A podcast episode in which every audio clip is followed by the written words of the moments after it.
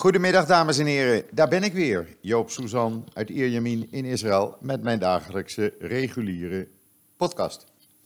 Ik zeg regulier, want vanmorgen heb ik natuurlijk uh, onze, mag ik wel zeggen, uh, veiligheidsexpert Dikla Cohen voor de derde keer geïnterviewd. Ook die podcast kunt u terugvinden op de Podbean app of uh, op joods.nl.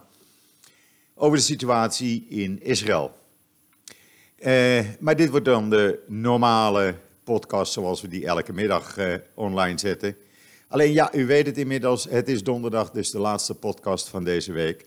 Want morgen is Joop bezig met het huis schoonmaken en dat moet echt gebeuren. Want door de Gamsim die vanavond eindelijk verdwijnt, is er zoveel zand binnengekomen. Het zit allemaal onder een dikke laag en ik moet het schoonmaken. Ook de vloeren moeten gedwijld worden, want we hebben stenen vloeren hier.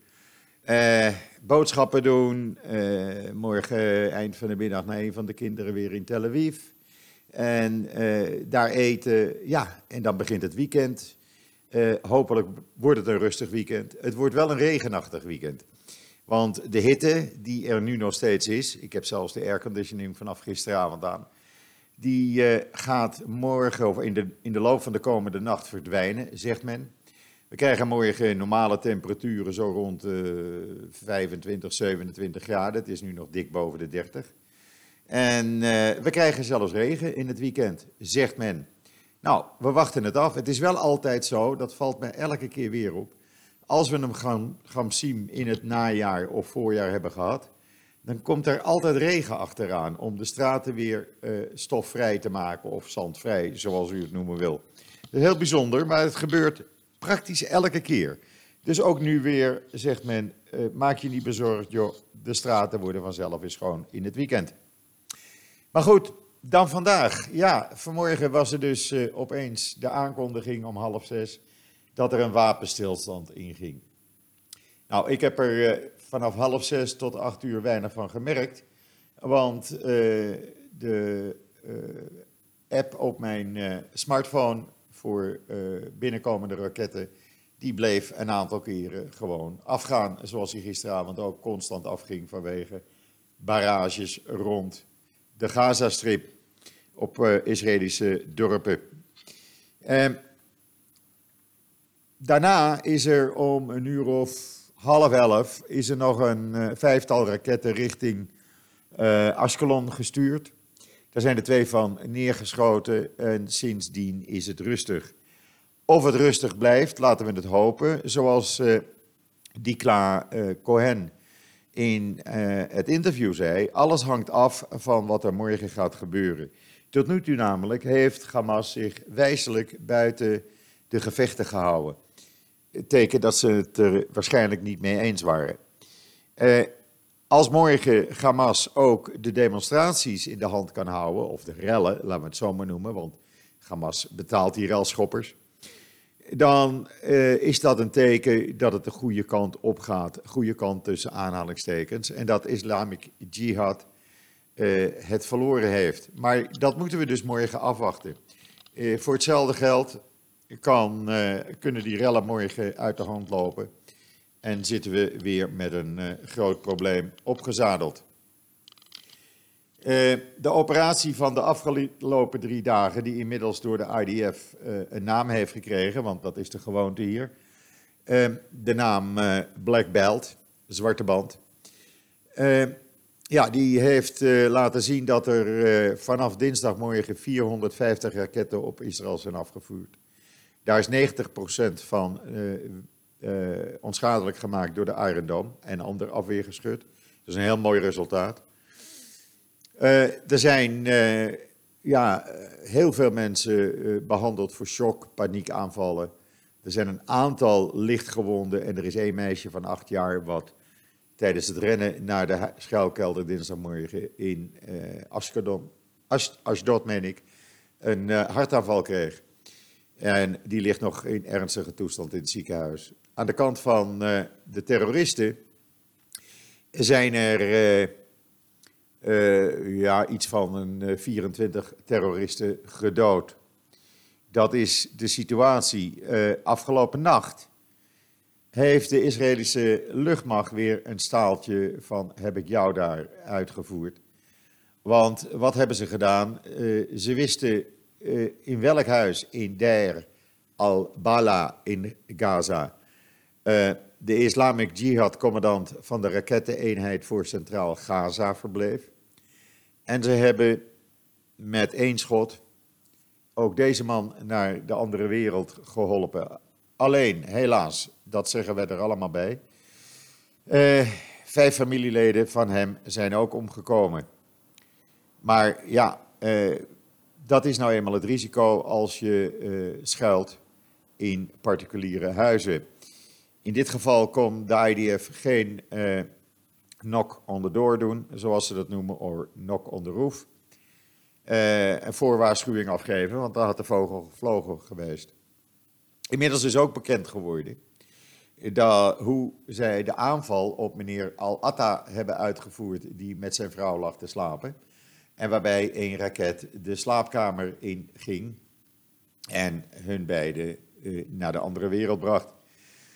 Het bleek nu volgens bronnen dat de IDF eerst een drone rond het huis had laten cirkelen. Die drone is zelfs in de slaapkamer nog even geweest. Uh, en heeft daar uh, opnames gemaakt, zodat men zeker was dat hij daar was. En daarna is meneer Al-Atta naar de andere wereld geholpen. Uh, dat is een staaltje van heb ik jou daar, moet ik echt zeggen. Maar, en dat heb ik ook op joods.nl gezet in een opiniestuk. Als ik dan de haat van sommige Nederlandse media en politici tegen Israël meemaak. En ik niet, niet dat ik het allemaal zie, maar ik krijg heel veel doorgezonden van volgers en van mensen die JoodsNL lezen. En die zeggen, Joop, besteed daar nou eens aandacht aan. Eh, mevrouw eh, Karabulut van de SP bijvoorbeeld. Die haalde het in haar hoofd om gisteren, terwijl honderdduizenden Israëli's in de schuilkelders zaten. En Israël uh, barrage op barrage van raketten uh, over zich heen kreeg. Om in de Tweede Kamer op te roepen om Israël te gaan boycotten. Nee, geen steun voor Israël van de SP.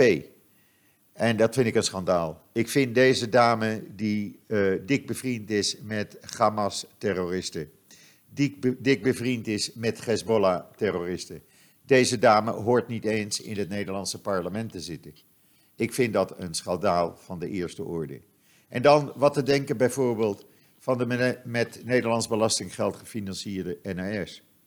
Die durven te schrijven, gewoon zonder blikken of blozen, de Islamic Jihad is een strijdgroep. In plaats van uh, te schrijven dat het een gruwelijke terreurorganisatie is. En dan bijvoorbeeld NuNL. Die schrijft, afgelopen nacht zijn er zes mensen om het leven gekomen in de Gazastrook door raketaanvallen vanuit Israël. Zonder erbij te vermelden dat het ging om uh, de leider of de commandant van de rakettenbrigade van de Islamic Jihad. Want ja, uh, uh, Israël een pluim op de hoed steken, nee, dat doen we niet. En het ANP. Het ANP bereidt veel artikelen voor, voor Nederlandse kranten. En die nemen dat één op één over. En die schrijft bijvoorbeeld gisteren, dat stond dan in het parool, nieuwe Israëlische luchtaanval op Gaza. Nee, nee, het is geen nieuwe Israëlische luchtaanval op Gaza. Het is een Israëlische tegenaanval nadat er honderden raketten op Israël neerkwamen. En zo kan ik nog maar even doorgaan. Vergeet het maar, ik praat niet eens over de zogenaamde kwaliteitskrant, het NRC, die alleen maar anti-Israël artikelen schrijft. Ik praat niet over het feit dat er zoveel goede dingen hier in Israël gebeuren. Ik praat niet over het feit dat er in Israël van alles en nog wat wordt uitgevonden waar de hele wereld wat in heeft. Op medisch gebied, op computergebied. Nee, ik praat over het feit dat men weigert in Nederland feiten juist te vermelden. Daar doen we niet aan, zegt men in Nederland. Want als je positieve dingen over Israël zegt, ja zeg, we zijn daar een beetje van lotje getikt. We gaan toch niet Israël in een positief daglicht zetten? Zo denken de Nederlandse journalisten. Ze schrijven niet over die duizenden kinderen in Zuid-Israël die al tijdenlang met psychische problemen lopen, omdat ze constant in, in die spanning leven, constant schuilkelder in en schuilkelder uit moeten. Amahula, daar schrijft de Nederlandse media niet over. Nee, Israël hoeft niet op steun of zelfs maar een klein beetje objectieve berichtgeving van veel Nederlandse media te rekenen. Of het nou RTL Nieuws is, of het is het NOS-journaal, of het is het ANP, of het is NuNL, of het is de NRC. Ik kan zo wel doorgaan. En het is jammer. Ik vind als Nederlander die in Israël woont en van dichtbij meemaakt hoe de werkelijkheid is, hoe men in Israël werkelijk leeft. Ik schaam me ervoor. Ik schaam me ervoor dat men in Nederland zo diep gevallen is, de media, dat men zelfs niet eens durft te schrijven over wat Israëli's doormaken tijdens die afgelopen drie dagen met 450 raketten. Hoe zou Nederland reageren, het Nederlandse leger, de Nederlandse regering, als er vanuit België of vanuit Duitsland één of twee raketten op Nederland worden afgeschoten? Wat zegt men dan? Zijn dat ook strijdgroepen? Nee, dan heeft men het liever zeker over verwarde personen of zo. Ik vind echt de haat van die Nederlandse politici en Nederlandse media. Ik kan er niet over uit. Ik moest dat even kwijt. Ik heb het hele artikel op uh, JoodsNL gezet. Leest u het gewoon voor uzelf en uh, laat het op u inwerken. En dan, ja, als je dan ziet uh, wat er dan gebeurt hier in Israël in die afgelopen dagen. Israëli's die niet konden trouwen, die hun trouwdag dinsdag moesten afzeggen omdat ze in het gebied rond Gaza woonden, in Ashdod, in Ashkelon. Grote steden met honderdduizenden mensen die daar wonen. En dat ze dan hulp krijgen van onbekenden, dat is zo een bijzonder warm gevoel. Er is het voorbeeld van een echtpaar die uh, uh, uh, hun, hun huwelijk niet konden laten doorgaan. En dat bekend maakte op social media. En dat dan een eigenaar van een, uh, een wedding hall, een, hoe noem je dat, een bruilofts, een banketzaal, in Tel Yetzak, niet zo ver bij mij vandaan eigenlijk, zei van, weet je wat, je komt met je rabbijn, je komt met al je gasten, we hebben hier een bruiloft gaande, maakt niet uit, je komt, we maken twee, twee bruiloften en wij betalen alle kosten, zei die eigenaar. Of dat echtpaar in uh, uh, Netivot, die, geen, uh, ja, die hun bruiloft moesten cancelen. en toen gebeld werden door een eigenaar van een, een feestzaal ten noorden van Tel Aviv, die meteen ja zei en zegt, weet je wat, jullie komen naar mijn feestzaal, hij staat leeg, ik betaal al je kosten. Of dat andere echtpaar uit een van de plaatsen rond Gaza, die hun uh, huwelijk moesten gaan vieren in Beersheba. Uh, vanwege het gevaar anders dat ze door raketten zouden worden geraakt. En wat gebeurt er? U kunt de video op joods.nl zien. Netta Barzilai, u kent haar van uh, de song Toy van het Eurovisie Songfestival. Netta Barzilai, die zag dat op social media. Die belde haar manager. Die zei, kom me ophalen. Ik ga naar Beersheba, ik ga optreden voor die mensen en ik reken daar niets voor. En u zult zien hoe een feest dat is geworden. Netta zegt, ik kon niet thuis blijven en niets doen. Ik kon niet op de bank blijven zitten. En ik ben daar gewoon naartoe gegaan. En dan was er het verhaal van een beroemde banketbakker in Tel Aviv. En zij vertelde haar 163.000 Instagram-fans over een paar uit uh, Zuid-Israël dat uh, erin was geslaagd om een alternatieve locatie voor een bruiloftsfeest in Tel Aviv te vinden. Maar die verder niets had. Ze hadden geen DJ. Ze hadden, geen, ze hadden, de bruid moest opgemaakt worden. Er was geen visagist, er was geen fotograaf. Alles en alles, er was niets. En wat gebeurt er? Alles werd aangeboden. Het eten werd aangeboden. De bruid werd opgemaakt. Het was ongelooflijk. Lees die verhalen op uh, joods.nl. En er staat ook een foto bij van een bruidspaar, waarvan de bruid dekking zoekt naast de bruiloftsauto. Dekking zoekt onderweg na haar bruiloft om uh, niet geraakt te worden uh, door raketten. En ook die moesten hun uh, bruiloft annuleren. En die kregen het aanbod van een eigenaar van een wedding hall in Jeruzalem. Neem al je gasten mee, dat waren de 500. Neem je erbij mee, kom hier naartoe, ik betaal alles. Ja, dit is zo bijzonder. En dit toont hoe Israël één grote familie is, wat ik altijd zei. Ik heb hetzelfde meegemaakt toen mijn uh, geliefde overleed. Dat van alle kanten, bekende, onbekende, bieden je hulp aan, doen alles voor je, nodigen je uit. En dat gaat nog steeds door. En dat, dat is Israël. Maar daar hoor je de Nederlandse media niet over. Want dat mag niet bekend worden in Nederland. En dan hebben we natuurlijk, het is donderdag, u zult het begrijpen, we hebben weer een nieuw kosher recept. En dit is toch een lekker kosher recept zeg. Het is kip pilaf. Het recept staat uh, samen met de video op joods.nl. Uh, ga het maken, het is helemaal niet moeilijk. Het is een uh, simpel recept, maar oh zo lekker. En dan hoor ik wel of het u wel of niet gesmaakt heeft. En dan, ja, een twaalfjarig meisje ze is gehandicapt. En ze rijdt mee met de fondsenwerving Wheels of Love, die vandaag eindigt in Noord-Israël. En uh, ja, een heel bijzonder verhaal. En ik vind het zo bijzonder toen ik het las, dat ik dacht, nou, dat moet ik u uh, uh, laten lezen. we hebben het vertaald in het Nederlands, met de foto's erbij. en waar ik een beetje trots op ben, is dat Carina, Berg, uh, Carina Benninga. U weet wel, de Nederlandse hockeyster die ooit goud won met hockeyen. Die rijdt ook mee. En die staat ook uh, pontificaal op de foto. Kanjer is uh, Carina Benninga. Ik ken haar verder niet. Ik ken alleen de naam. Mocht u haar kennen, zeg namens mij: Carina, je bent een kanjer. Lees het artikel en kijk naar Carina, zou ik zeggen.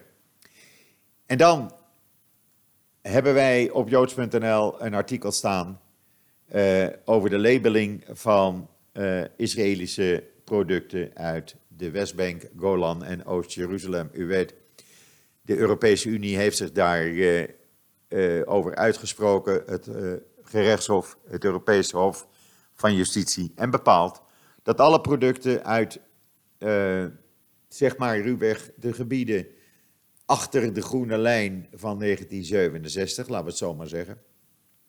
En uh, niet gelabeld mogen zijn met Made in Israël. Uh, nou, dat is natuurlijk uh, een schandaal.